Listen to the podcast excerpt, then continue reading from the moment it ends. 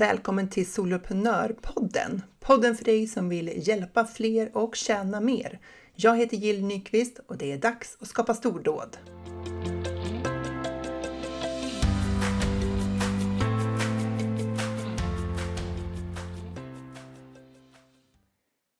Skulle du vilja jobba smartare och inte hårdare, då ska du lyssna på den här veckans avsnitt för jag intervjuar en eh, entreprenör som verkligen har koll på hur vi kan hjälpa oss själva till ett smartare arbetssätt. Eh, men eh, den här veckan har varit intensiv. Eh, inte bara för att jag har haft kampanj för soloprenörerna, haft dörrarna öppna eh, och nu är de stängda. Eh, och det har varit fantastiskt kul. Alla samtal och dialoger och inlägg och allt som har hänt under veckan. Eh, jag har också förberett väldigt mycket inför nästa vecka för då håller jag den första utbildningen i ett nytt projekt som jag jobbar i där jag ska hjälpa eh, företagare i Dalarna och Gävleborg att eh, till exempel göra en eh, webbkurs eller jobba smart med sin digitala kommunikation och så vidare. Så att den här första kursen det är just att sätta upp en webbkurs, en heldagsutbildning då via Zoom. Så det ska bli väldigt spännande att få premiära i det sammanhanget. Och eh, sen är det eh, workshops och annat som är planerade sedan innan. Så det kommer bli en hektisk vecka eh, nästa vecka. Och jag har gjort lite förberedelsearbete för det under den här veckan. Så jag ser fram emot eh, att leverera allt det där. Och naturligtvis att ta emot eh, alla härliga entreprenörer som valde att gå med i Soloprenörerna. Det gänget ser jag verkligen fram emot att lära känna mer. Men nu nu ska vi hoppa rakt in i detta avsnitt. Den här veckan ska vi prata med en kvinna som är, som är passionerad för det vi alla vill uppnå men som känns så galet eh, svårt att få till. och det är Maria Lofors. Hon har gått från att driva redovisningsbyrå till att nu bedriva en konsultverksamhet som riktar sig mot onlineföretagare. Och det handlar om Online Business Productivity. Jag vet inte om jag sa det där rätt. Varmt välkommen till Soloprenörpodden Maria. Tack så mycket. Du, du sa berätta. det rätt. Ja, jag sa mm. det rätt. Ja, jag och min engelska. Men eh, du måste berätta, så här, vad är, vilka är det du hjälper och vad är det du gör och hur ser din story ut som har lett dig hit? Mm. Eh, ja, men precis som du sa så uh, började jag med att starta en redovisningsbyrå eller för det första så, så drev, var jag underkonsult som redovisningskonsult i, i ett par år. Och sen startade jag en redovisningsbyrå 2017. Och eh, min anledning till att jag startade en egen byrå var väldigt mycket att jag ville digitalisera. Jag såg att marknaden, eh, redovisningsbranschen hade liksom inte hunnit ikapp med det här med digitalisering och man kunde göra saker på så många, så mycket bättre, mycket bättre tyckte jag. Eh, så då startade jag eget. Eh, men och hade en vision redan från början att jag ville skapa en annorlunda tjänst kring redovisning. Men jag visste inte riktigt vad. Um, så redan på hösten 2017 gick jag min första kurs i uh, hur man bygger ett onlineföretag och hur man då kring kurser och medlemskap. Um, så på den vägen är det. Sen så gick det med en rasande fart. Jag fick massor med kunder, väldigt mycket jobb, alldeles för mycket jobb. Um, och så att, har suttit liksom tre somrar i rad och jobbat ihjäl mig på mina barns sommarlov, för det blir ju lätt så på sommaren när, mm. i, i redovisningsvärlden.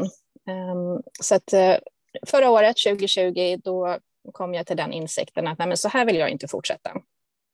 Uh, jag hade startat ett medlemskap online på hösten 2019 som heter Digital entreprenör eh, där jag ville hjälpa svenska småföretagare att eh, effektivisera sin admin och bokföring. Mm. Men jag hade liksom inte nått fram med det riktigt som jag ville, för jag hade inte tiden och orken att jobba med det. Så att, eh, förra året så eh, kom jag fram till då att jag skulle lägga ner min redovisningsbyrå för att kunna fokusera mer på eh, det här som jag verkligen brinner för med, att, med online business, att hjälpa eh, onlineföretagare att bli mer effektiva och mer produktiva. Så, eh, så där är jag idag. Mm. Eh, är i, fortfarande i en liten omställning i min eh, affärsmodell. Men du har lagt ner din redovisningsbyrå? Ja, det har jag gjort. Mm. Jag har att göra, utan jag, jag, kommer att ta uppdrag kring online business. Alltså, och då handlar det om det som jag gör nu, de kunder som jag har tagit in, då handlar det om att jag kopplar ihop system med varandra mycket ehm, och ehm, som ser till att de pratar med varandra mycket. Mm, det där ska vi prata lite, fördjupa oss lite grann mm. i detta avsnitt. Men jag tänker att det är en inspirerande resa som du beskriver för att du startade eget och då hade du en vision och så eh, gjorde du det. Och sen insåg du att nej, men det där föll inte riktigt ut så som, som du ville eller liksom du ville åt ett annat håll. Och då fattade du ett nytt beslut. Mm. Det kan man ju göra som entreprenör. Ja, men eller hur? Och jag tänker att det är så, du är ett bra exempel på det, för att jag tror att vi måste påminna oss om det själv ibland när vi sitter där hemma och tänker att vi måste komma på den enda bästa lösningen och så blir det så stora mm. beslut. Liksom. Men vi, mm. kan, eh, vi kan sätta igång med någonting. Och du som byggde upp din redovisningsbyrå fick massor av kunder och jobb och sådär. Och ändå så bara, nej men det här är inte rätt för mig. Nej. Nej, det har ju varit ett otroligt jobbigt beslut, det ska jag inte sticka under stol med. Mm. Eh, också för att eh, liksom stå upp för att nej, men det här mår inte jag bra i, i andras ögon också, som kanske tyckte att nej, men nu börjar du ju få fart på det här, varför ska du lägga ner nu? Ja. För det, liksom, att det har ju varit knackigt att komma upp i någon slags lönsamhet och, och så. Men, Vad var eh, ditt svar nej, men, då, då? Vad är nej, svaret på det? Svaret är att eh, om jag inte mår bra i min, mitt företag, då kan jag ju, varför driver jag då ett företag? Mm. Alltså det, det kom ju till den punkten när jag kände att nej, men nu lägger jag ner alltså jag kan lika gärna ta en anställning. Och för, alltså för de flesta entreprenörer så är det här med att äh, jag kan ta en anställning, det är ju så långt bort. Eller hur? Ja. Att, att, att, tänka de tankarna, att nej, men jag är nog redo att ta en anställning för det här funkar inte. Det är liksom, nej, för mig har det varit liksom nästan otänkbart. Ja, men, men ja. jag var på den gränsen att nej, men det här mår jag inte bra i så jag måste göra någonting annat. Mm. Ja, nej, men och då, det, det är viktigt att man lyssnar på det det är väl mitt, det är det jag säger till dem ja. som undrar. Ja, nej men jag, jag tänker det också. Och att eh, vi inte ska fastna i det här, alltså vi kommer att bli ifrågasatta eh, mm. oavsett vad vi gör, tänker jag. Alltså människor har undringar och funderingar och synpunkter på, på vad vi gör oavsett vad vi gör. Så då är det väl bättre att de undrar över ett beslut som man har fattat som verkligen känns rätt för en själv. Liksom. Då, får mm. man ta den, mm. då är det värt att ta den diskussionen. Men jag förstår att det inte kommer helt enkelt och att jag tänker att du har tänkt över detta noggrant. Mm, det har jag gjort. Så, så vart står du idag då? Liksom om du tänker sig så här, härifrån och framåt så är det det här jag ska hjälpa till med. Eh, ja, men det jag har börjat lansera är ju eh, tjänsten eh, som jag från början kallade virtuell assistent, men som nu jag har landat i att, att den tjänsten där jag jobbar med andra företagare är online business consultant. Att mm. jag jag hoppar in som konsult eh, på tim, alltså en timbank, säljer jag just nu i alla fall, mm. eh, med de saker som kunden behöver hjälp med. Eh, och, och sen eh, har jag ju då mitt medlemskap, det tickar på, det här digitala entreprenör. Mm. Eh, har ett fåtal medlemmar, men väldigt trogna medlemmar, så det är väldigt mm. roligt att de har mm. hängt kvar, de flesta. Ehm, men planen är att bygga upp en, en kurs på sikt också ett medlemskap kring just online business eh, productivity. Just det. Och vad är och online bara... business productivity? Om du skulle beskriva just den delen av onlineföretagande. Men det är att eh, tänka över sina processer eh, som man har i sitt företag. Vad är det man behöver göra och hur gör man det smartast? Och framför allt sen också hur kan man antingen delegera de här sakerna eller automatisera. För de flesta av oss vill ju skala upp mm. eh, på sikt och eh, liksom tjäna, tjäna pengar men också slippa slita, ehm, slita otroligt mycket som man gör i början. Men mm. det är liksom en, man vill ju skala upp. Så online business productivity som jag ser det är att hur kan man bli så effektiv som möjligt och eh, på sikt då jobba själv så lite som möjligt. Mm det är ju superintressant och jag vet att många som lyssnar på podden här säkert liksom skulle verkligen kunna känna så här, hur kan jag jobba liksom smartare och få samma resultat som jag har nu eller kanske bättre resultat genom att eh, eh, ja, ändra på hur jag löser saker och ting. Men vad skulle du säga, mm. vad är första steget om man vill ta sig an detta och, och se över sin produktivitet och effektivitet? Eh, ja, det allra första steget är ju att fundera på vad gör jag i mitt företag? Och där mm. behöver man ju börja Ehm, man behöver börja liksom klocka sin tid helt enkelt. Eh, och då kan jag tipsa om ett verktyg som heter Toggle, som Toggle. jag älskar. Toggle, mm. ja, T-O-G-G-L.com. Jag älskar det därför att då får man en timeline över sina dagar. Eh, och det är superenkelt att bara trycka, på, trycka igång klockan på vad, vad det är man gör. Eh, så att du får en, en, en, liksom, en, ehm, en bild över vad är det du, du gör på dagarna. Och sen efter det att se liksom, vad är det som faktiskt producerar resultat eh, och vad är det som jag bara liksom, tar massa tid men inte ger något resultat. Ofta har man ju ganska mycket sånt mm. eh, kring admin då. Mm. Och, och framförallt då sen att tänka på okay, vad, in, vad innehåller det här som jag gör och skriva ner de stegen. För ofta har man ju liksom skapat sig små processer, man gör saker på hyfsat lika sätt varje gång. Mm.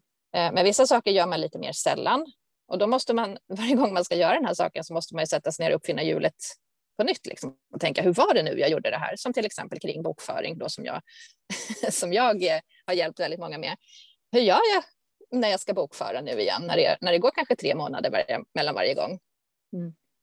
Eh, att då um, sätta, ner, sätta sig ner och eh, skriva ner en, en liksom checklista för sin process.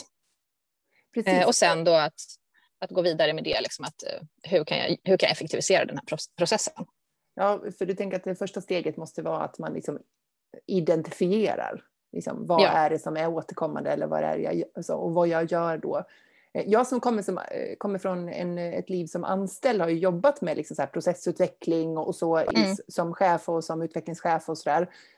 Och då var det väldigt självklart att man hade processer i verksamheten. Mm. Liksom, och det fanns mm. huvudprocesser och delprocesser och sådär. Mm. Men det har inte varit lika självklart för mig, det är kanske lite pinsamt att erkänna då, men, men det har ju inte varit så att jag har liksom automatiskt då överfört min kunskap i processkortläggning och processutveckling som jag gjorde där till mitt Nej. eget företag. Utan jag känner att jag är liksom, eh, uppfinner hjulet om och om igen. Gör jag en checklista, vilket jag faktiskt har gjort för vissa saker, så tittar jag inte på den nästa gång. För då kommer Nej. jag inte ihåg vad jag, vad jag gjorde av den där. Liksom. Jag skrev mm. ner hur man gör nu när man ska, ska säga, öppna en kampanj, starta en kampanj mm. på Funka med ADHD. Då har vi massa liksom, procedurer vi gör kring det. Mm. Och då gjorde jag en checklista för det. Men inte hittar jag den där när jag ska öppna nästa gång. Liksom. Nej. Så ja, men det, där är, det där känner jag också väldigt väl igen. Dels i mig själv och dels i, i det jag ser hos andra. För att vi entreprenörer ofta är så här, men vi vill ju skapa, vi vill vara kreativa, vi vill inte liksom låsa fast oss i, i tråkiga rutiner. Vi vill ju bara, eller hur? Ja, visst. jag, jag är härligt också fria. så till viss del. Ja, ja, precis. Man vill starta företag för att vara fri. Men det som jag har liksom insett, för jag gjorde inte heller det från början. Ja, vissa saker har jag haft från början, men jag har liksom inte tänkt så här stort om mitt eget företag från början. Att jag ska skala upp och jag ska jag ska vara vd i mitt företag. Och liksom, nej, det, det, har liksom kommit med tiden och det tror jag att det är så för ganska många, att man kommer in i det efter ett tag. Mm. Um, ja, men också att inse sen att när man väl har skapat de där processerna och att faktiskt också skapa ett system för vad man skriver ner saker. Mm. Så att man inte har allting på tusen olika ställen. Klassiker. men att, ja. ja. verkligen klassiker. Att när man väl har satt det här att ja, men jag får inte ta anteckningar någon annanstans Nej. än på det här stället. Då vet jag vad jag har det sen. Ja. Um, då, då, skapar man ju mer frihet faktiskt. Du, du frigör den här tankekapaciteten som du Absolut. annars måste använda. Ja, Nej, men till hundra procent. För att jag, jag vet egentligen att jag är som mest kreativ när jag har en struktur att jobba i. Jag vill inte ha mm. ett blankt blad där allting är öppet. Jag vill ha ramar att förhålla mm. mig till. För inom det kan jag komma på jättemycket idéer och vara kreativ inom ramen för det. Men jag vill inte uppfinna allting ad hoc hela tiden. För det är inte så jag kommer till min rätt. Liksom. Så jag, jag gillar ju egentligen det här med struktur som ett stöd. För att mm. kunna liksom lyfta och skapa bättre. Men sen är det det där momentet av disciplin. Mm. Att, ja. att hålla sig till det som man har beslutat. Och på något mm. vis var det lättare tyckte jag när jag var anställd, för då hade jag någon annan att svara mot. Liksom. Det var någon annan, jag skulle antingen vara ett föredöme som chef eller så skulle jag liksom bara följa företagets liksom, rutiner och riktlinjer för det här. Och då, då, mm. då hade jag ett åtagande på det sättet. Mm. Men mm. som entreprenör då är vi fria att strunta i de åtaganden vi själva satt upp mot oss själva om vi vill. Det är korkat Absolut. att göra det, jag inser ju det, mm. men, men vi är ju ändå det. Liksom. Mm. Ja, men det gör jag också. Alltså vissa saker som, nej men, nej men det här har jag inte tid med just nu. Och så ja. gör man någonting bara lite, som, lite högst också sen så tar det mycket längre tid i slutändan därför att jag hade kunnat göra det smartare. Ja, det, Absolut. Men det är många som nämner det här SOP nu. Vad, mm. vad står det för? Standard Operating Procedure. Ja. Det. Och det är ju egentligen att man eh, du sätter upp en checklista eller en process som för att effektivisera ditt eget arbete eller ditt teams. Så att du kan, du kan liksom skapa en process och sen kan du lämna över den till någon annan. Mm. Det ska vara så tydligt att du ska kunna säga så här, så här det här kan du göra. Mm. Titta på den här listan. Och förutom bokföring, då, vad skulle du kunna tänka dig att om man jobbar online, vad är det för tydliga eller här, sådana här standard operations som vi ofta gör? Om du skulle nämna um, Ja, men det handlar ju om till exempel eh, onboarding av kunder. Ja. Um, och där har jag då uh, där har jag haft processer kring det hela tiden. Att vad är det jag behöver göra för att få, få med allting när jag får en ny kund? Och då kanske inte när man får en ny kund i sin kurs eller sitt medlemskap, för där är det ju liksom lite mer automatiserat i sin plattform ofta. Men om du får en coachingkund till exempel, eller någon mm. kund som du jobbar en till en med, att du kanske ska upprätta ett avtal och du ska liksom skapa mappar i din, i din mappstruktur och du ska liksom allt möjligt som man ska göra. Mm. Um, det är ju en sak. Um, sen även offboarding när du är klar med en kund, en kund som ska gå vidare. Vad är det du behöver göra för att stänga kunden och liksom ha allting klart, liksom, dokumenterat. Mm. Eh, och det här har ju jag som redovisningskonsult liksom verkligen nött in, för man ska ju dokumentera allting i in absurdum som redovisningskonsult. Så det behöver man kanske inte göra lika mycket om man är coaching, har en coaching business eller dylikt. Men, um, nej men och sen precis som du sa, när man ska starta kampanjer, vad är det man behöver göra när man sätter upp en annons till exempel? Mm. Eller när man ska skapa en funnel, mm. en säljtratt vad, vilka steg behöver man göra? Vilka storlekar ska mina bilder vara i till mina olika sociala kanaler? Alltså att man har en, en eh, sådana där saker, att man liksom bara ja. tänker igenom det från början. Så, har så kan du sen när du sitter och gör den här saken så är det bara shop, shop, shop, shop, så kan du bocka av. Då har jag skapat en Instagram-bild, shop, eh, check. Jag har skapat en bild till uh, Facebook, check. Ja, du vet att du inte glömmer någonting. Ja, och just mm. det där, alltså, eh, jag tänker att det är så många saker, om jag ska eh, gå till mig själv och det här låter inte bra, jag inser det. Men eh, till exempel är det så här, jag vet ju aldrig vilken storlek bilden är, så jag måste alltid gå in i systemet och titta så här, vad vill New Sendler ha för det här kurskortet mm. till exempel? Vad var det för mm. format? Eller på den här, när jag ska ha en live workshop inom soloprenören, liksom, vad var det för mm. format? Kommer aldrig ihåg. Mm. Um, och sen är det ju de här uh, färgkoderna som jag mm, använder. Mm. Liksom. Ja, de går jag mm. tillbaka till Canva varje gång. Och visst, man kan hämta upp dem där, men det skulle vara betydligt mm. smidigare om jag hade dem liksom samlade i ett dokument som jag lätt... Där, som du säger, att här finns här, det är de här formaten, det är de här färgkoderna eh, och de här typsnitten och de här grejerna, liksom, att samla det. Exakt. Precis. För det, det, tar tid, det tar tid att leta liksom. Det gör ju det och sen kanske man glömmer någonting. Ja. Jag kanske glömmer att, att, skapa en bild till Facebook och sen så, ja, nu ska jag lägga upp det här på min Facebook-sida. Just det, jag hade ingen bild. Så, så liksom tar det tio minuter extra för att du har glömt att göra det. Mm. Och all de här, de här, just de här, ja, det här tar bara tio minuter extra, men det, det blir många tio minuter extra under en dag ja. som, som tar tid från din eh, tid där du kan sälja och skapa, skapa nya produkter. Mm. Ja, verkligen. Eh, och det blir också, jag tycker att det är ett ganska tråkigt moment det här med att leta efter saker. Mm. Det är frustrerande ja, att jag liksom så här, men vad döpte jag det där dokumentet till eller vad, vad den där mappen mm. som du sa, bara en mappstruktur som hjälper. Mm. Liksom. Mm. Eh, det har jag. Jag har, en, jag har liksom en färdig mappstruktur för mina kunder. Så att när jag får en ny kund, då drar jag in den bara i mitt Google. Jag skapar en, en mapp för kunden, drar in mappstrukturen. Mm. Eh, och sen så har jag den. Och så kan jag bara lägga in allting som jag vet att jag behöver lägga in under varje mapp. Um, och, Men vart, eh, vart har du dina mappar? Liksom? Hur sparar du? Jag använder mig av eh, G Suite eller Google Workspace som det heter nu för tiden. Ja. Så där har jag mejlen och jag har mappar och jag har eh, ja, jag använder Docs och kalkylblad och allting. Hela mm. den sviten jobbar jag med. Mm. Så, och... Jag tycker den är supersmidig för då kan du ju lätt dela med andra också, kunder eller teammedlemmar och sådär. Mm. Ja, men det är en jättestor fördel såklart. Plus att, plus att Google också går ju att automatisera väldigt mycket. Du kan koppla det med Zapier till vilket system som helst. Ja, just det. Eh, Sapia skulle vi också kunna nämna lite grann om. Har du andra sådana här områden som du ser att det här är ofta sådana som man skulle kunna liksom göra sådana här eh, processer mm. av checklistor? Um, ja, um, vad ska vi ta? Till exempel ja, men kundspecifika uppdrag. Mm. Om man har en, en, en kund som man jobbar med på ett särskilt sätt, då är det också jätteviktigt att man har, sätter en process kring hur man jobbar med den kunden. Mm. Um, bokning av möten till exempel. Och där kan man automatisera det otroligt mycket. Att man gör det via en bokningstjänst så att man får, man får möteslänk och man får tiden och, och personen att boka med kan boka om tiden om man vill och så där. Eh, men hur man sätter upp möten, det kan man ju skapa en process kring så att man inte glömmer att koppla det till rätt kalender till exempel eller ja, sådana saker. Att man, mm. att man kommer ihåg att integrera med Zoom och, och så, så, att man kan lämna bort den här processen till en, en VA till exempel om man skulle vilja det. Um, sen ja, men bokföring och det. Um, jag håller på att gå ifrån bokföringen, men jag vill gärna prata om processerna kring bokföring, för där ser jag att många skulle kunna verkligen levla upp sig lite, eh, om man säger så. Mm. Eh, jag brukar prata om att om man, om man tänker att man ska lägga en minut om dagen eh, på bokföring och 30 minuter i veckan och sen 60 minuter i månaden.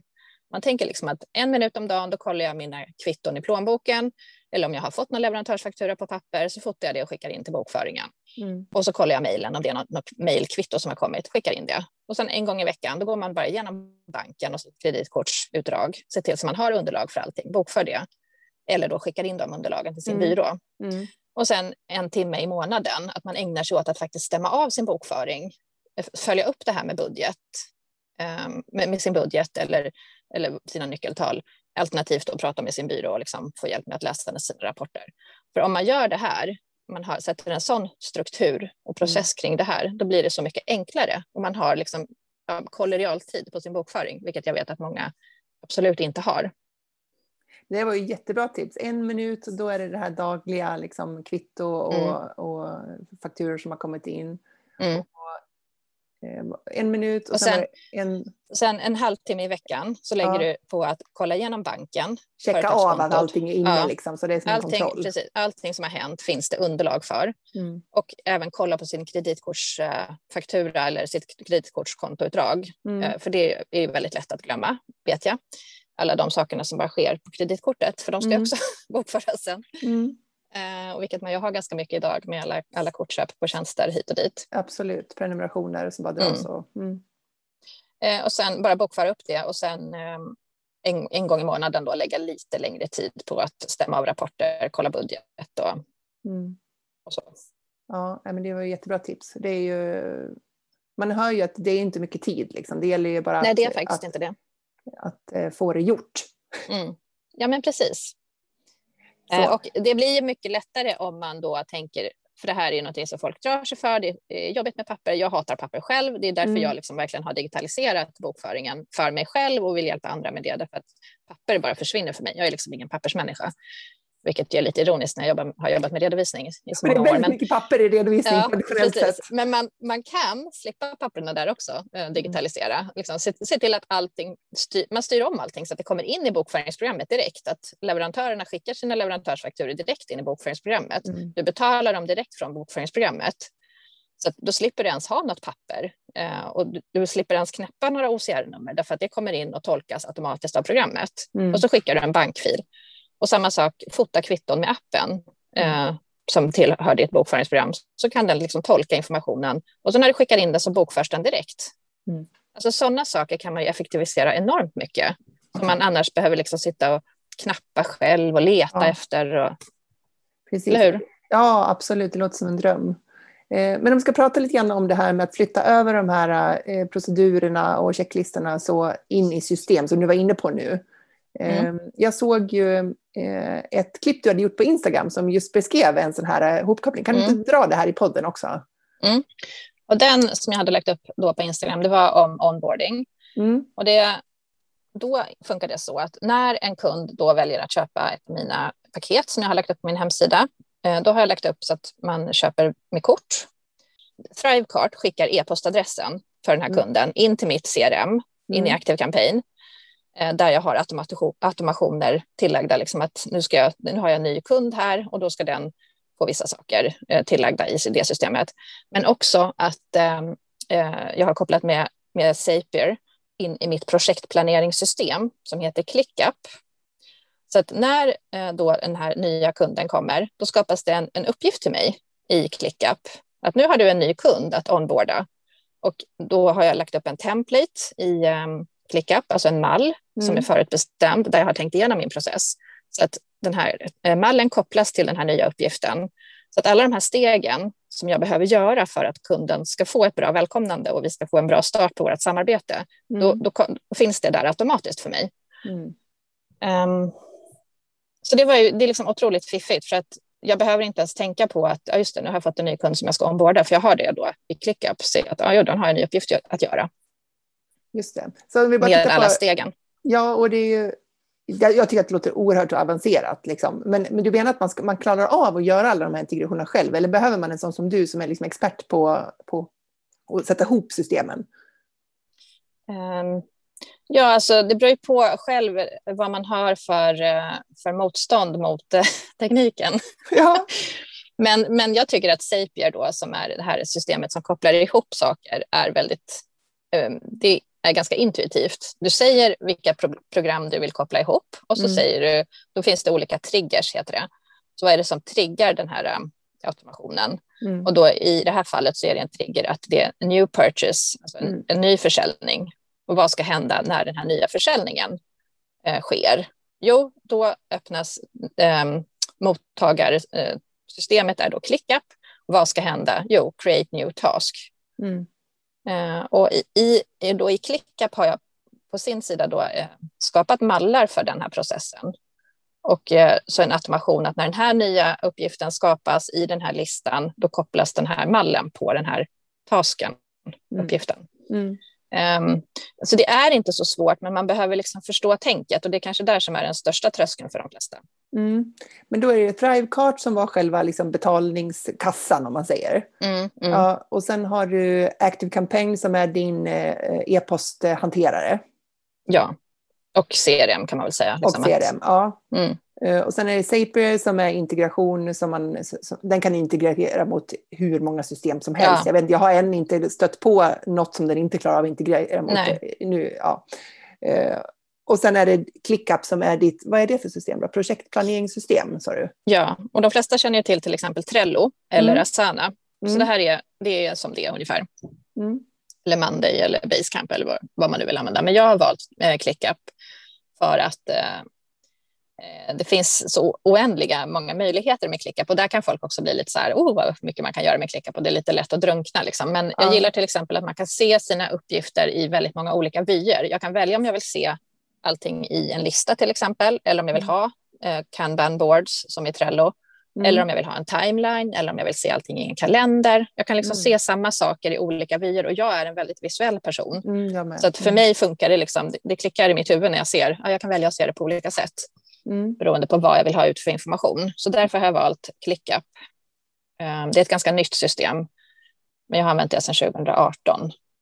Jaha, men då har kom, på ett kom, tag i det. Ja. kom från Asana. Innan då hade jag jobbat med Asana. Ja, så du bytte bort det. Mm. Um, och det, jag antar att man betalar månadsvis, en prenumeration eller årsavgift på det då? Ja, man kan välja årsavgift eller säkert månad också. Mm. Nu vet jag inte riktigt, jag betalar per år och har gjort mm. det sedan 2018. Så att... mm. Men det kostar. Det... Om man, vill, det, man kan använda det gratis också, men, men om man vill ha lite mer då funktionalitet så får man ju betala. Ja, jo, men det är väl som alla de här systemen, mm. det finns en gratisnivå för det mesta mm. och sen mm. lite olika andra Precis. nivåer. Ja, men mm. det var ju ett bra exempel på hur man verkligen kan automatisera en, en process då, som jag tänker mm. att man förhoppningsvis har ofta om man ska ha nya kunder mm. in. Ja, men precis, exakt. Ja. Eh, har du andra sådana här liksom, eh, systemihopkopplingar som du antingen använder eller som du rekommenderar? Ja, um, sen har jag ju då, jag använder också Newsendler precis som du gör mm. för min medlemstjänst. Och uh, i och med att jag då väljer att ta betalt med Thrivecart så behöver jag ju koppla ihop dem och då använder jag också Zapier. Så att no mm. när någon köper i, uh, i Thrivecart så ska de bli automatiskt uh, tillagda i kursen eller min bundle då som jag har som är för mm. mitt medlemskap. Mm. Så det använder jag Zapier till. Mm. Och samma sak att... Nej.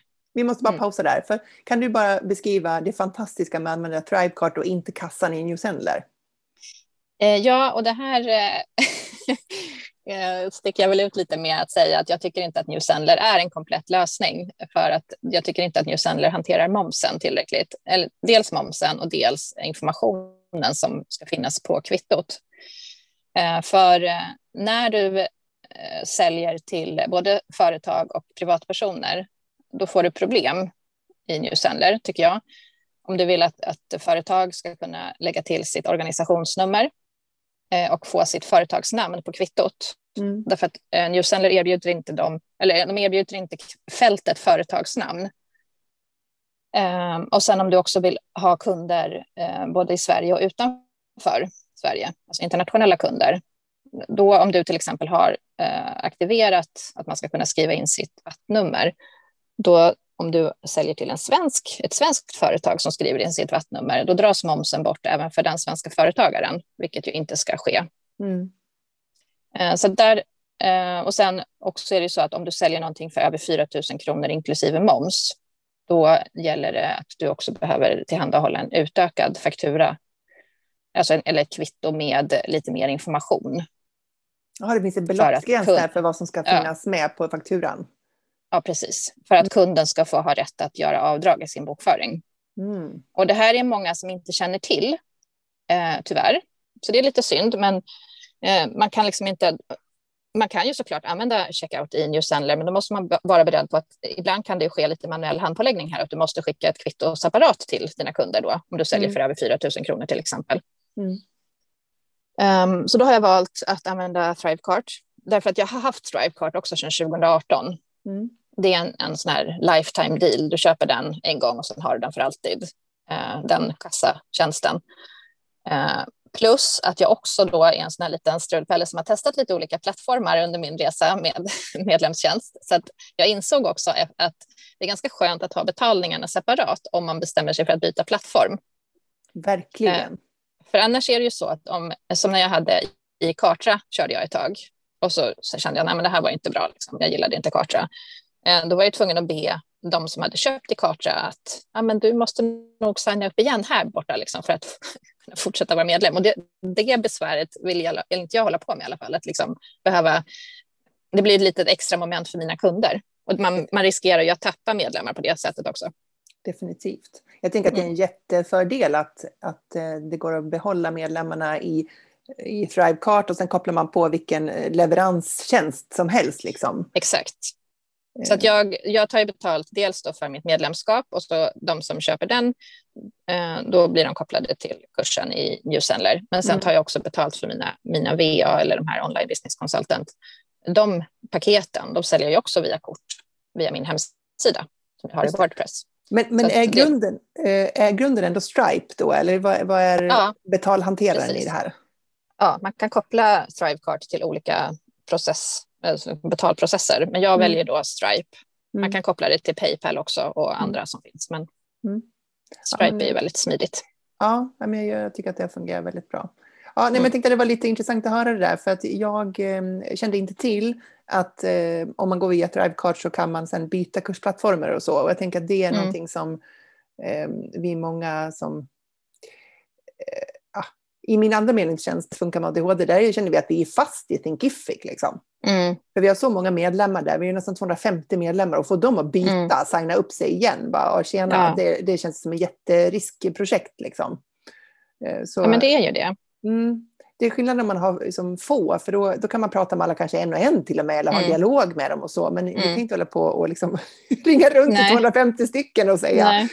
sådär. Så det blir en sån risk, ja, blir sån apparat, så jag känner att det, det, det får bli, vi är kvar i Thinkific av det skälet. Mm. Och koppla med Zapier och Mailchimp och liksom, mm. det går bra att lösa så, det är ingen katastrof för det. Det är bara att mm. det är skälet till att vi är kvar.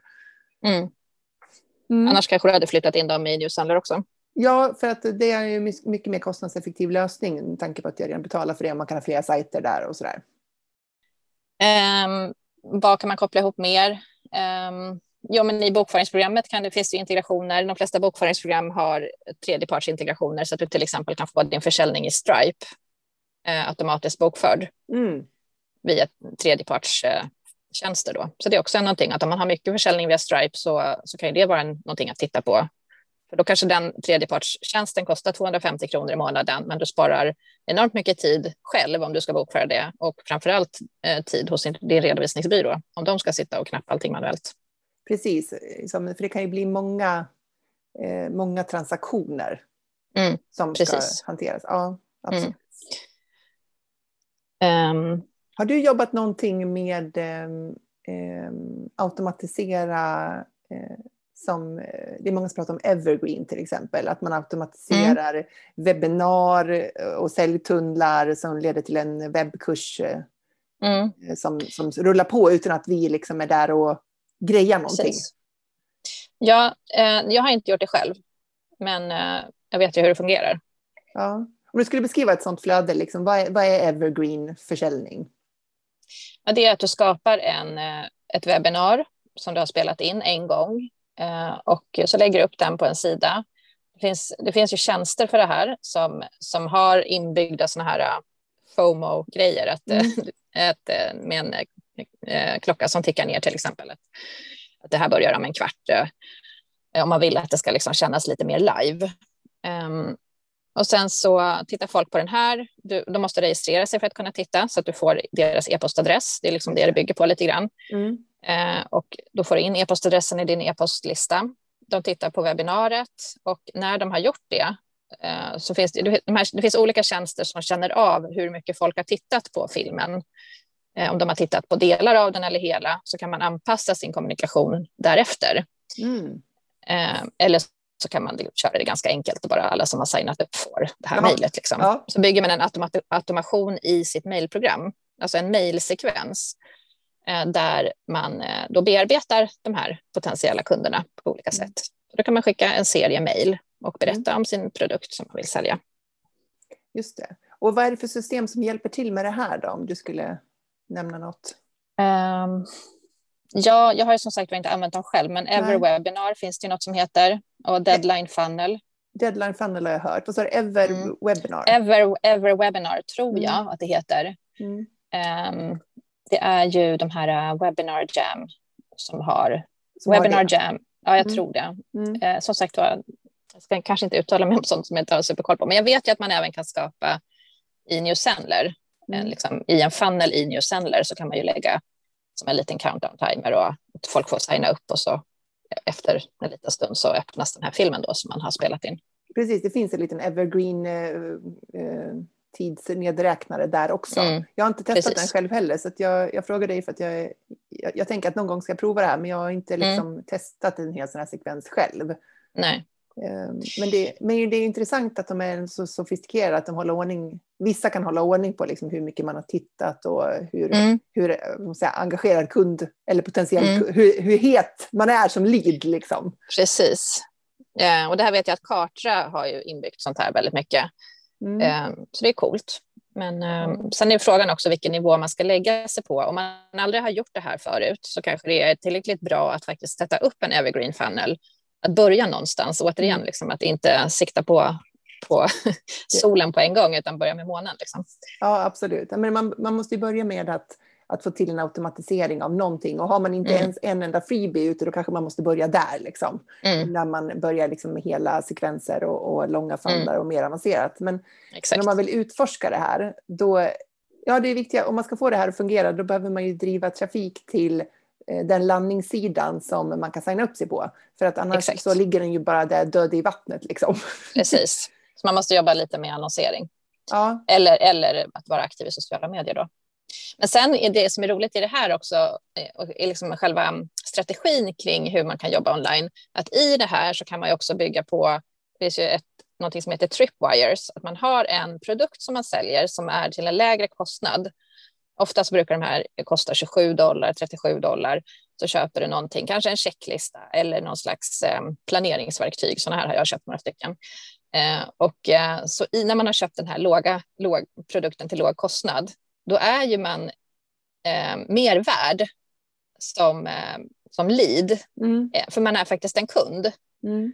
Eh, och jag, om jag har liksom tagit upp kreditkortet och köpt någonting, även om det var till en låg kostnad, så är jag ju verkligen intresserad av den här tjänsten och den här personen. Eh, så det här är också någonting som jag själv har tänkt att jag ska börja jobba med. Jag har inte kommit dit ännu, men att skapa en, en tripwire, alltså en, en produkt till lägre pris, så mm. sedan kan man ha olika upsells. Eh, att, att i nästa steg så säljer man någonting som kostar lite mer, eller mm. kanske en coaching, till exempel coachingtjänst. Mm. Så här kan man ju automatisera sin försäljning otroligt mycket. Det är jättespännande och jag tänker att är vi så bra på det där i Sverige. Jag tycker inte att jag märker, alltså man, när man har kontakt med amerikanska eller liksom kanadensiska eller ja, utländska engelskspråkiga företag så är de ju mm. grymma på det där. Mm. Eh, Precis, men, vi har inte riktigt kommit ifatt ännu. Skulle nej, man men visst är det lite så. Att, och jag tänker att vi som soloföretagare, vi skulle ju verkligen tjäna på att, att jobba med att automatisera försäljning på olika sätt. Så att, mm. Då har vi ju som en säljare som är ute och knackar dörr åt oss på något vis medan vi gör andra saker. Mm. Så det kan... Ja, men precis. Så det är smart. För då, och här, eh, när vi tänker, pratar om processer, så här är det ju läge att prata om kundresan. Mm. Att fundera på um, hur vill du att, att uh, kunder ska komma in i ditt företag? I, en låg nivå, liksom första steget för att de ska bli medvetna om dig, då kanske man tänker en freebie. Sen kanske man tänker en tripwire, någon, en produkt som är lite till lägre pris. Och sen nästa steg, och var är ditt high-end offer? Liksom att vad är det som, där du tjänar mer pengar på, mm. på din, ditt erbjudande?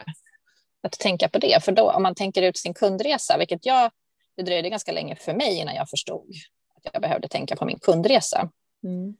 Um, men när man har gjort det, då kan man ju bygga liksom de här automatiserade säljprocesserna. Precis, lättare. Ja, ja exakt. Vi behöver ju ha lite eh, vi måste ju ha vårt system eller vårt program av erbjudanden liksom, för att vi ska mm. kunna automatisera. För annars så skapar man, eh, skapar man tekniken och systemen och sen på något vis så ska man i stunden också skapa ett erbjudande. Liksom. Ah, men vad ska jag erbjuda här då? Liksom. Exakt. Eh, mm. Eh, utan att man är, har faktiskt så här, men vad är mitt, eh, mitt mest kostsamma paket och vad har jag för, hur ser mitt säljsystem ut? Liksom, mitt mm. system av erbjudanden och hur hänger de ihop med varann? Exakt. Att kunden ska kunna gå från en, en ett steg ja. till ett annat. För det är det också att du vill fundera på hur kan du öka eh, your eh, vad heter det nu, customer lifetime value, att, mm. att, liksom, att du vill behålla kunden länge. För det är mycket lättare att sälja en ny, ett nytt erbjudande till en kund som du känner redan. Att liksom sälja mer försäljning än att mm. hela tiden eh, hitta nya kunder att sälja till. Precis.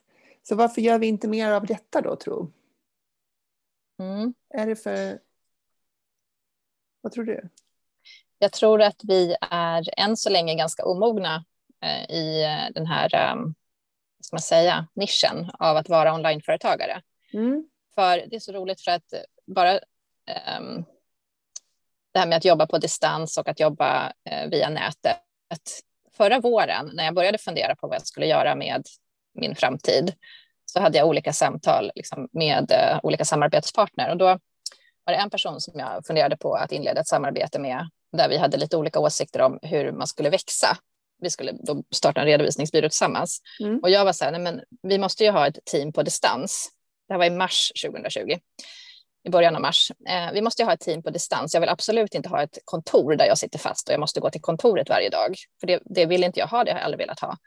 Och han sa att nej, men, alltså det är fina tankar du har, men det är en utopi. Man behöver hålla koll på sina anställda eh, och se vad de gör på dagarna. Och sen så bara typ tre veckor senare, i slutet på mars, då kom han tillbaka till mig och sa att ja, du hade rätt. Det funkar ju faktiskt det här. Ah. Och, och, det har ju vi verkligen insett under det här året som har gått ah. med pandemin, att man kan jobba på ett annorlunda sätt. Mm. Man kan jobba hemifrån och på distans. Um, och, och folk har fått upp ögonen för att man kan erbjuda alltså att också vi svenska småföretagare har förstått att vi kan erbjuda våra tjänster online. Mm. Men vi, vi, är fortfarande ganska omogna där skulle jag säga. Just det, så vi behöver, liksom, eh, vi behöver lära oss. Mm. Eh, och jag tänker också, det är därför jag liksom har eh, liksom myntat det här med soloprenörrevolutionen mm. nu, att jag tycker verkligen mm. att det har aldrig varit ett bättre tillfälle. Nej, verkligen inte. Att driva mm. företag online och att man faktiskt kan skapa eh, sitt företag ensam. Alltså man mm. behöver mm. inte ha anställda och liksom stora team för att komma en rejäl bit på väg. Sen kanske man vill ha, eh, ta in hjälp på olika delar för att man vill underlätta för sig själv och så. Men mm. tekniken har aldrig varit billigare, den har aldrig varit mer Nej. tillgänglig. Liksom, vi behöver inte vara programmerare för att lösa det här. Och Nej. som du säger, människor har blivit otroligt vana med att eh, mötas online, att jobba Mm. online, att lära sig saker online, liksom att ha Mm. både långa och korta möten, utbildningsdagar som, inte, som blev inställda först, Precis. som blev av online istället. Mm, mm. Och det är ju hela samhället. Alltså det har ju aldrig liksom skett en digitalisering på en samhällsnivå i den Nej. takt som har skett under Nej. det här året. Vi har pratat om Nej. digitalisering, jag vet inte hur, eh, hur många år som det har snurrat att vi är liksom, Mm. ja, digitaliserings eh, eh, och så. Men Mm. nu har det ju verkligen skett. För nu har vi tvingats på, på en Mm. gemensam kollektiv nivå har vi Mm. behövt göra det här. Mm. Och Det är otroligt spännande tycker jag, ja, jag tänker att om man... se den här utvecklingen. Ja, för vill man jobba online och driva företag på det sättet, då är det vår tid nu. Liksom. Mm. Eh, Och kan man dessutom lära sig det som du hjälper till med, att jobba smart och sätta upp det här, alltså hjälpa sig själv till lite kloka val från början. Mm. Då har man ju verkligen lagt grunden för att eh, lägga till på rätt saker. Mm. Ja, men precis. Så det, jag tror att vi har mycket att vinna där. Men som sagt, vi är omogna för det här och vi får väl lov att titta på liksom USA och på de länder som har kommit längre just i de här säljprocesserna. Så att vi Mm. också kan vara smarta i vårt sälj. Ja, och man kan ju göra såna här tripwires till exempel utan att det blir så här eh, cheesy amerikanskt. För det är väl det vi svenskar ofta känner att nej men gud, jag kan inte hålla på och sälja så här hårt Nej, liksom, nej. som man gör i USA. Man kan ju göra, på, man kan göra det på ett schysst sätt. Precis. Exakt. Man, man, vi behöver ju inte bli liksom 100% gå all in America- American, utan vi kan ju göra en svensk variant som funkar här. Och så Mm. jag på något vis också, för det som de gör i USA, på något vis, deras försäljningstaktiker funkar ju, men det känns obekvämt för oss. Mm, Och kanske lösningen inte är att gå 100% dit, men att vi ska röra oss i den riktningen, för vi kanske är Mm. överförsiktiga istället. precis, precis. Sådär. Jag brukar alltid säga att man ska, sk- när man är i en kampanj och det finns en deadline, man ska alltid skicka ett mer mail än vad man egentligen står ut med. Mm, precis. för att eh, hjälpa människor att orka fatta det beslutet. Liksom. Men vi, Mm. vi är väldigt oroliga för att framstå som pushiga och sälja på ett dåligt sätt. Mm, mm. Ja, det kan man väl konstatera att det är ganska typiskt svenskt. Så att vi behöver hitta någon, någon form av mellanväg då kanske, kan, Mm. kan passa oss i Sverige. Mm, en medelväg. Eh, där vi steppar upp och tar plats lite tydligare utan att vi känner att vi liksom helt går emot vår egen integritet och vår personlighet. Liksom. Hitta, någon, Mm. hitta något sätt väg fram. Men det, om, man, om man nu tycker att det här låter fantastiskt med att hitta sina processer och automatisera och att eh, liksom hitta, öka sin produktivitet genom att jobba smartare och inte hårdare, för det är det som det handlar om. Mm. Eh, Och så vill man läsa mer om dig, var hittar man dig då? Jo, då kan man gå till min hemsida, marialofors.se. Mm. Eh, och, eh, eller på Instagram finns jag också, Maria Lofors. så kan man följa dig Eh, där. Och om man precis. skulle ringa dig och säga hej, jag, jag behöver liksom jobba smartare, liksom, hur tar du hand om en då? vad, vad är det man Jo. behöver avsäga till dig för att du ska kunna hjälpa till? Eh, nej, men det handlar om en dialog. Då får vi ta ett möte och så får, jag, så får vi prata med varandra och så får jag se var, vilka behov du har. har. Vad, vad jobbar du med idag? Eh, vem säljer du till? Det är en, en liksom, eh, grundläggande fråga. Vem säljer du till? Eh, och eh, hur vill du sälja? Och vilket är ditt erbjudande? Sen får man ju ta det därifrån. Och sen också om, om man har preferenser, vilka system vill man jobba med? Jag har ju mina preferenser och det som jag gärna jobbar med, vilket ju är Thrivecart, Active Campaign, eh, ClickUp, mm, Newsendler, eh, ja, Zapier, Mm. med flera. Ja, precis, men det där, de stora bumlingarna. Mm, precis. Ja, men då hjälper du till med att faktiskt också sätta upp där i systemet, verkligen göra eh, hopkopplingarna och sånt. Det är sånt du hjälper till med då? Det gör jag. Mm. Det kan man få hjälp med. Och sen har jag även planer på nu att under våren lansera en, eh, en ny kurs kring det här som, är, eh, som är, riktar sig in på mer processer och effektivisering. Och gå ifrån det här med att jag, som tidigare har jag pratat ganska mycket om bokföring. Mm. Så nu blir det mer eh, inriktat just online business. Spännande, då ser jag fram emot att följa utvecklingen av detta, Maria. Tusen Ja. tack för att du var med i Soloprenörpodden. Ja, men tack själv, jätteroligt att få vara med. Och ni som lyssnar här nu, ska ni automatisera er till stordåd? Det är något att fundera på.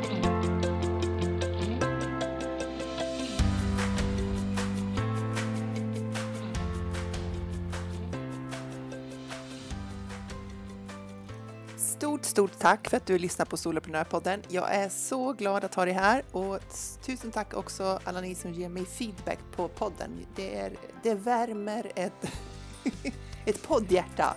Eh, vill du ta en skärmdump på det här avsnittet och tagga det i dina stories på Instagram skulle jag bli superglad så att vi kan hjälpa Soloprenörpodden att nå fler hörlurar. Tackar!